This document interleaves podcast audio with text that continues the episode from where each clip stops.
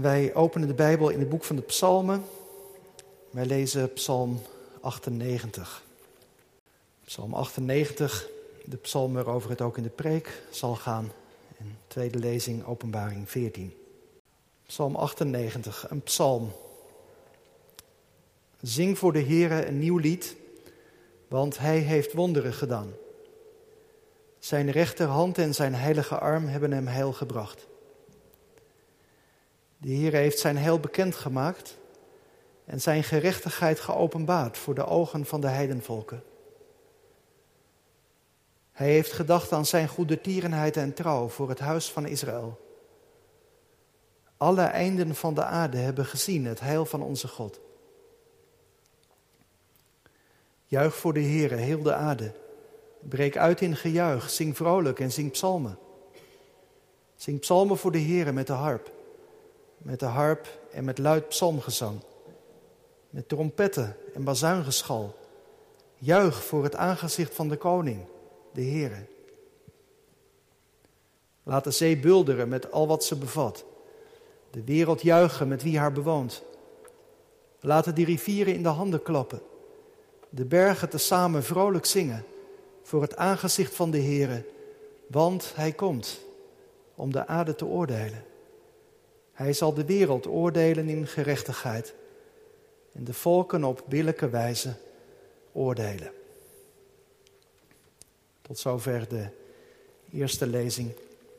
Het laatste Bijbelboek, Openbaring 14, lezen wij de versen 1 tot met 5.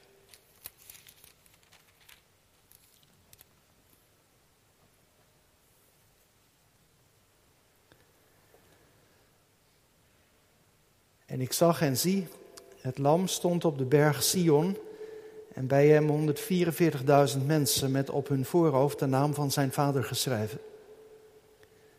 En ik hoorde een geluid uit de hemel, als een geluid van vele wateren en als het geluid van een zware donderslag. En ik hoorde het geluid van citerspelers die op hun citers spelen. En ze zongen als een nieuw lied voor de troon, voor de vier dieren en de ouderlingen. En niemand kon dat lied leren behalve de 144.000 die van de aarde gekocht waren.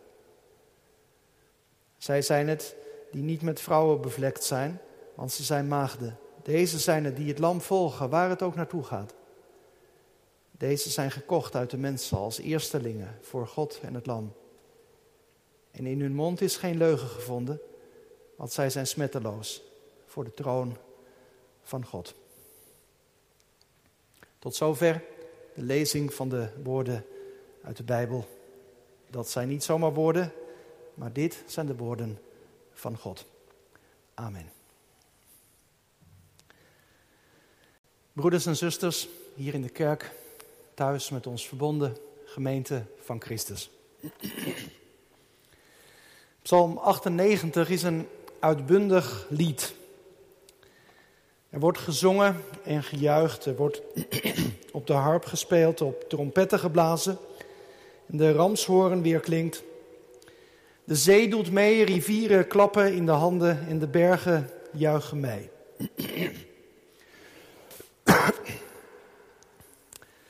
Wat hier in deze psalm gebeurt, gaat blijkbaar heel de wereld aan. Mens en milieu, alle schepselen. Alles moet roepen, juichen, zingen muziek maken.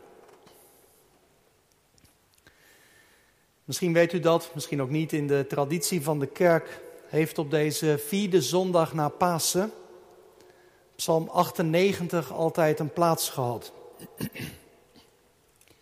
Een uitbundig lied omdat de vreugde van Pasen nog steeds natrilt. Laten we er met elkaar wat preciezer naar kijken. Pak je Bijbel er even bij. De herziende statenvertaling heeft een indeling gemaakt in een aantal stukjes. Ik denk eigenlijk dat een andere indeling nog wat meer voor de hand ligt in twee delen. De versen 1 tot en met 3 en de versen 4 tot en met 9. En alle twee die delen die beginnen met een uitnodiging. Een uitnodiging om God te loven en te prijzen. Kijk maar in vers 1. Zing voor de Heer een nieuw lied. Zo begint dan het eerste deel dus. En in vers 4 en vers 5 dan ook zie je dat opnieuw. Juich voor de Heer heel de aarde. Zing psalmen voor de Heer met de harp. Dus beide delen, vers 1 tot en met 3 en vanaf vers 4, beginnen met een uitnodiging. Een uitnodiging om God te loven en te prijzen. En beide delen bevatten daarna ook een fundering. Aangegeven met het woordje want. Zing voor de Heer een nieuw lied, vers 1. Want hij heeft wonderen gedaan. En daarna worden dan nog veel meer redenen gegeven om voor God te zingen. Een heel uitgebreide fundering. Bij het tweede deel is die korter. Eh, daar komt de fundering pas in vers 9. Dus het begint met vers 4, juich voor de Heer heel de aarde. En dan wordt al die, die, eh, al die, die deelnemers, om zo te zeggen, aan het loflied, die worden dan opgevoerd. De, de zeeën, de rivieren en de muziekinstrumenten. En de reden die komt dan pas in vers 9.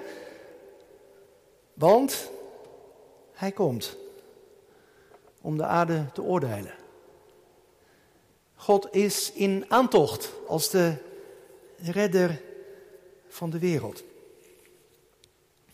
Nou, dat zijn een beetje de twee delen van de preek gelijk ook. De versen 1 tot 3 en dan vanaf vers 4. Het begint allemaal met die oproep om voor de Heer een nieuw lied te zingen. Je zou er voor jezelf nog eens een Bijbelstudie naar kunnen doen dan ontdek je dat er heel veel plaatsen zijn in de Bijbel waar die woorden klinken. Waar een nieuw lied wordt gezongen of waar opgeroepen wordt om een nieuw lied te zingen. Gebeurt zeker ook in het boek van de Psalmen. In drie andere psalmen dan deze klinkt precies dezelfde oproep. Psalm 33, die hoorden we al vanmorgen. Psalm 96, dat is een psalm waarin heel veel overeenkomsten zitten met Psalm 98. En ook Psalm 149. Zing voor de Heer een nieuw lied. Het unieke, het eigene van deze psalm is dus dat direct nadat die oproep geklonken heeft, er ook een reden wordt genoemd om voor de Heer een nieuw lied te zingen. Want hij heeft wonderen gedaan. En ja, dat gaat dan nog wel even wat verder in die volgende verse. De Heer heeft heil gebracht. Hij heeft zijn gerechtigheid geopenbaard voor de ogen van de volken. Hij heeft gedacht aan zijn goede tierenheid, zijn liefde en zijn trouw. Dus de reden om een nieuw lied te zingen, die wordt gefundeerd in het handelen van God. In de grote daden die Hij heeft gedaan. Hij heeft wonderen gedaan. Waar moet je dan aan denken bij die wonderen van God? Nou, ik denk dat iedereen die in Israël dit lied zong en zingt, in de eerste plaats denkt aan de Exodus. Aan de bevrijding uit Egypte. De bevrijding van de slavernij. De bevrijding van het juk van de farao en de doortocht door het water van de Rode Zee heen. En daarna klinkt ook zo'n nieuw lied, Exodus 15. We hoorden het net ook zingen. Zing de Heer, want hij is hoog verheven. Het paard en zijn ruiter stortte hij in zij. En in dat lied klinken allerlei lijntjes ook, ook naar Psalm 98. Vergelijkbare woorden als in dit lied. Hij heeft wonderen gedaan. Wie is als u onder de goden, zingt Mozes. U die wonderen doet. Iemand die zei dat lied van Mozes en Mirjam als een soort try-out van een nieuw lied. Een nieuw lied voor God. Want hij heeft wonderen gedaan.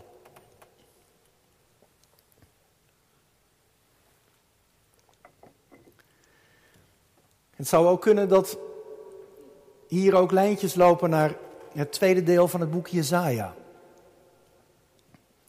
Veel woorden uit deze psalm zie je ook vanaf Jezaja 40 terugkomen. Dat weet u misschien, dat tweede deel van het boek Jezaja richt zich in het bijzonder op mensen die in ballingschap zitten. Zonder veel hoop, murf geslagen door alle teleurstellingen. En dan klinken opeens woorden van hoop. Jezaja 42, de woorden waar ik de dienst ook mee begon. In dat hoofdstuk staat de voorgaande dingen, ze zijn gekomen. Nieuwe dingen verkondig ik u. Voordat ze ontkiemen, laat ik ze aan u horen. En de profeet die wijst dan naar een tweede Exodus. Nu niet de bevrijding uit Egypte, maar nu de bevrijding uit Babel. De bevrijding uit ballingschap. Terug naar huis.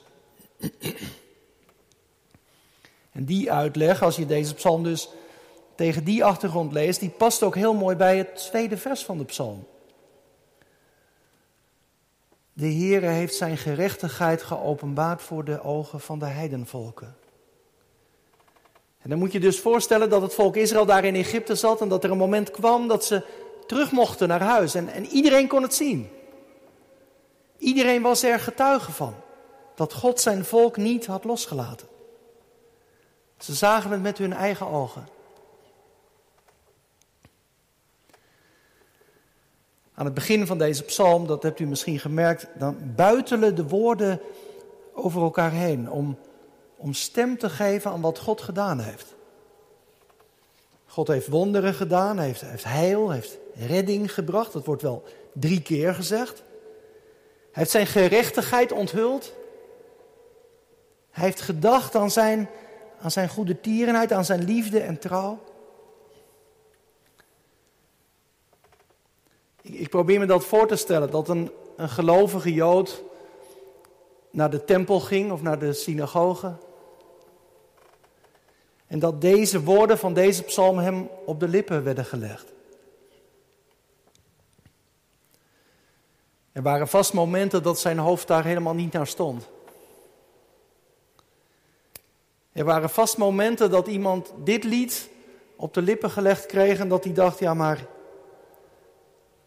God ziet helemaal niet naar ons om. Waar is zijn redding? Hoe is dat met zijn liefde en zijn trouw? Daar merk ik nou helemaal niks van in mijn leven.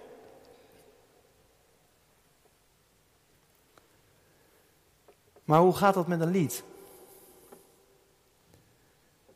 Een lied komt naar je toe van de andere kant. En, en heel veel mensen in de geschiedenis, ook van het Joodse volk, deden de ervaring op dat, dat ze al luisterend, al fluisterend, al zingend, zich de woorden als het ware weer, weer toe-eigenden. Al zingend kwamen ze er zelf ook weer in mee.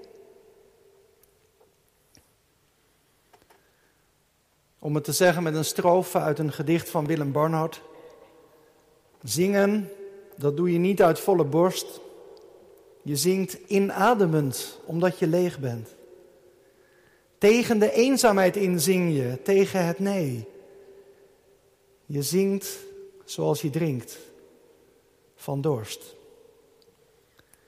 Een bijzonder zinnetje vind ik altijd. Je zingt zoals je drinkt, van dorst.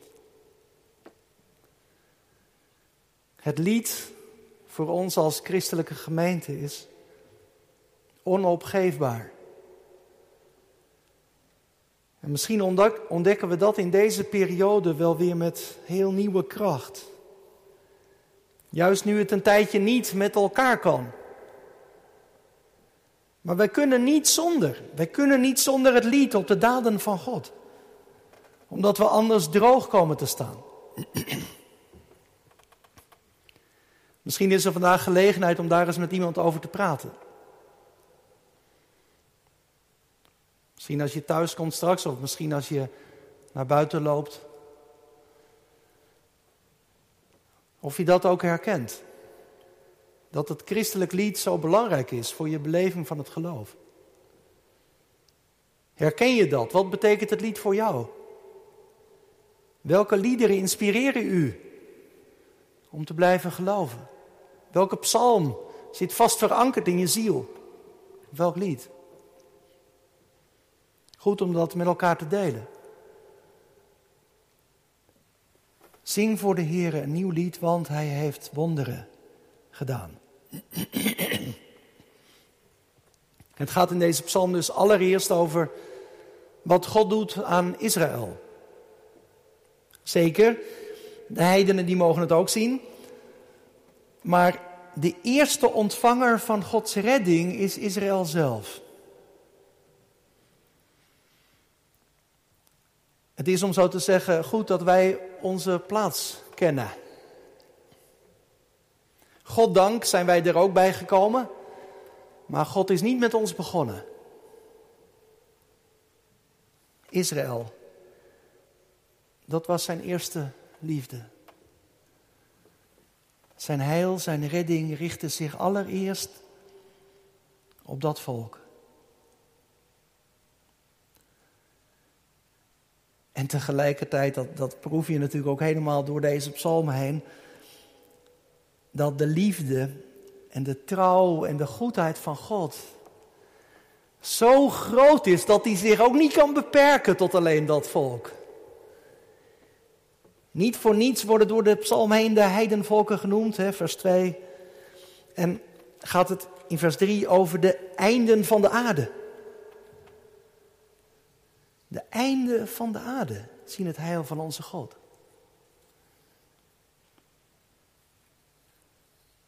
Dat zijn woorden die door de hele Bijbel heen resoneren. Dat is wel bijzonder, vind ik altijd, hoe, hoe bepaalde Bijbelwoorden door de schrift heen ook steeds weer in nieuwe situaties hernomen worden, weer terugkomen. Dat, dat is ook bij Psalm 98 het geval. Met name de evangelist Lucas verwerkt deze woorden van deze psalm in de twee boeken die hij schrijft. En Lucas, dat weet je misschien wel, dat is de evangelist die oog heeft voor de universele strekking van het heil van God. En Matthäus die richt zich dan vooral op, op Joden die christen waren geworden en laat zien van ja, inderdaad, vanuit het Oude Testament zie je, Jezus is de Messias. Lucas vliegt het, om zo te zeggen, anders aan. Die zegt, ja, maar wat, wat in Jezus gebeurt, dat is voor de hele wereld. En op allerlei momenten laat hij dat merken en gebruikt hij soms ook deze woorden uit Psalm 98. Bijvoorbeeld in dat loflied dat Simeon zingt. Mijn ogen hebben uw redding gezien, die u bereid hebt voor de ogen van alle volken. En, en Johannes de Doper, Lucas 3. Iedereen zal de redding zien die van God komt. Dat wordt in de loop van het Oude Testament eigenlijk ook al steeds iets duidelijker. Het begint bij Israël, maar het waait heel breed uit. Maar echt open gaat dat dus als Jezus komt. Je zou kunnen zeggen, die, die, die redding, dat heil waar deze psalm zo hoog van opgeeft, die worden in Jezus vlees en bloed. De liefde en de trouw van God, waar Psalm 98 over zingt, die worden in Christus concreter dan ooit. Dat zie je aan het kruis, als hij zijn armen wijd uitbreidt. Iedereen is welkom bij hem. En als hij opstaat uit de dood, dan, dan wordt de overwinning van God over de machten en de krachten als nooit tevoren duidelijk. De dood verslagen. En, en dat is nog niet alles, want als Christus dan zijn geest geeft, dan gaat het evangelie de wereld over. Dan, dan mag iedereen het zien en horen.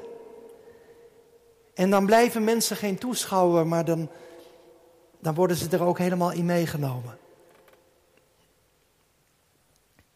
Daar schrijft Lucas trouwens ook over in zijn tweede boek, boek Handelingen.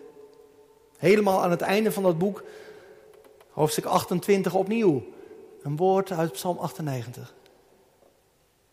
De redding van God breidt zich uit tot aan de einde van de aarde.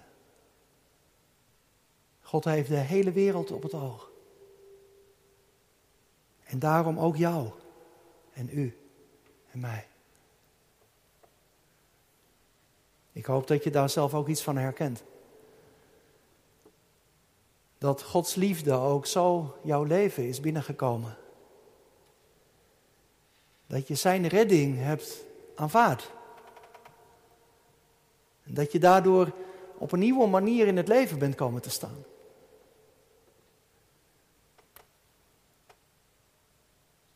En als je wat op afstand staat, op dit moment, om welke reden dan ook.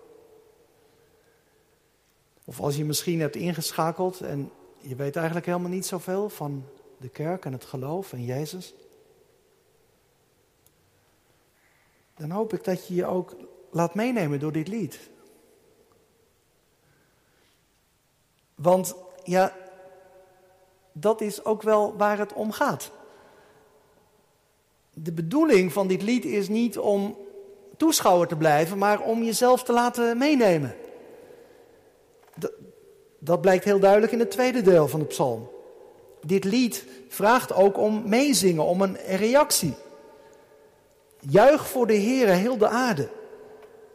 Juich en jubel en zing het uit.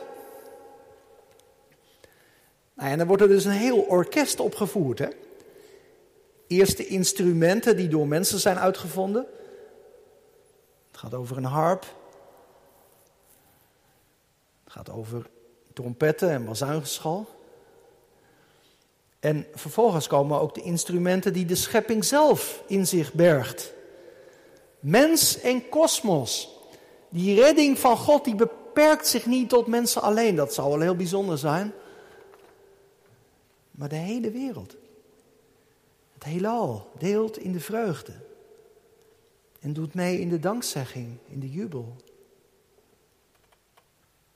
Het is tenslotte Gods wereld. Hij is de schepper. Alles jubelt en juicht voor hem. Voor de schepper en de koning. Dat is opvallend. Zo opeens wordt God in vers 6 als koning aangesproken. Dat gebeurt ook in de omringende psalmen. Zijn allemaal koningspsalmen. Zo vanaf psalm 95 tot psalm 101. En ja, die, die trompetten die hier genoemd worden, vers 6, dat zou je waarschijnlijk beter kunnen vertalen met, met de ramshorens.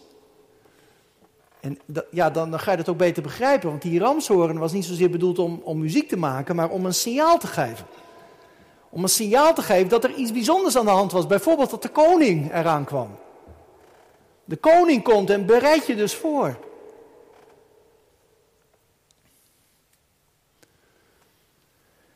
Ik zei aan het begin van de preek, de psalm valt de, in twee delen uiteen. Twee delen die beginnen met de uitnodiging om God te prijzen.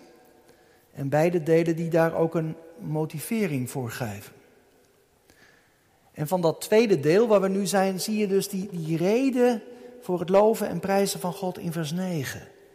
Want hij komt om de aarde te oordelen. Hij die koning is, is in aantocht als rechter van de wereld. De geschiedenis van deze wereld loopt niet uit op een zwart gat of een blinde muur. Het eindigt niet zomaar met een totale vernietiging. Maar aan het einde van de tijden staat God. God die komt. Om recht te doen. En daarover wordt dus gejubeld en gejuicht. Ik weet niet welk beeld jij hebt bij God die recht kon doen. Dat kan je ook best afschrikken als je denkt dat je zelf voor zijn troon staat. En wat dat dan betekent? In de psalmen is het heel vaak een reden tot vreugde. Iets waar mensen intens naar uitzien. Dat God komt om recht te doen, om de dingen op zijn orde te brengen.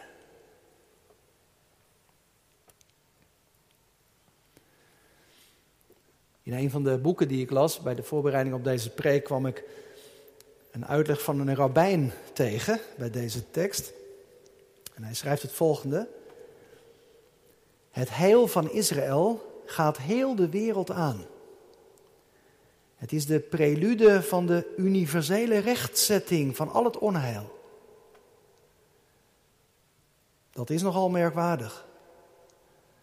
Maar deze kleine gemeente houdt staande en wil het weten ook, luidkeels, dat hun bevrijding een hefboom is om alle onrecht, ellende, leed en slechtheid uit zijn voegen te tillen. Dus de bevrijding van Israël als een prelude op de bevrijding van de kosmos. God komt om recht te doen. Om een eind te maken aan kwaad, aan uitbuiting en onrecht. Eenmaal zal die oordelen over levenden en doden. Over mensen en landen en culturen. En dat is een reden tot vreugde. De beken en de bergen, zee en land, die jubelen nu al. En ook wij worden uitgenodigd vanmorgen. Deze psalm is een lied om de voleinding tegemoet te zingen. Maar gemeente, als dat zo is, dat is het laatste. Als dat zo is, dan vraagt dat van ons niet alleen een nieuw lied, maar ook een nieuw leven. Een nieuwe orde. De kerkvader Augustinus die uh, zei in een preek over deze tekst het volgende. Jullie, mijn toehoorders, zingen eigenlijk helemaal niet mooi. Jullie zingen deze psalm met je mond, maar niet met je leven. Zing met uw stem, zing met uw hart, zing met uw leden, zing met uw zeden, met uw levenswandel. Mooi is dat. Dus Augustinus zegt eigenlijk, ja, ik denk eigenlijk dat hij dat bedoelde. Van je kunt nog zo mooi zingen, maar als je leven er niet in meekomt, dan is dat toch te weinig. Dit nieuwe lied, dat kan niet zonder gevolgen blijven. De dieren en de planten, al wat leeft, zelfs zee en land heeft daar baat bij. Gods redding, die richt zich niet alleen op jou en mij. Heel de schepping is in beeld. En wordt ons vanmorgen ook op het netvlies gebracht. Als God ons een nieuw lied op de lippen legt, kan niets bij het oude blijven. En vraagt dat bekering. Iedere dag opnieuw. Ook in het omgaan met Gods schepping, met zijn wereld. Uiteindelijk is het met dit nieuwe lied, net als met ieder ander nieuw lied, je moet het inzingen. Dan zingt het de nieuwe werkelijkheid naar binnen. De werkelijkheid die getekend wordt door wat God heeft gedaan. Wonderen, heil, bevrijding, redding. En de werkelijkheid die God zal gaan scheppen.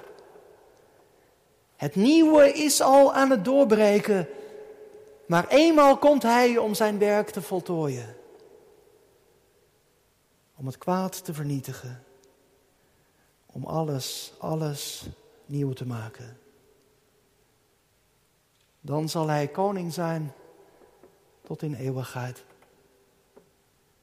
En dan zal ik door de redding van Christus, samen met allen rondom de troon, voor altijd een nieuw lied zingen. Loof de Heere, mijn ziel. Eer aan de Vader en de Zoon en de Heilige Geest. Halleluja. Amen.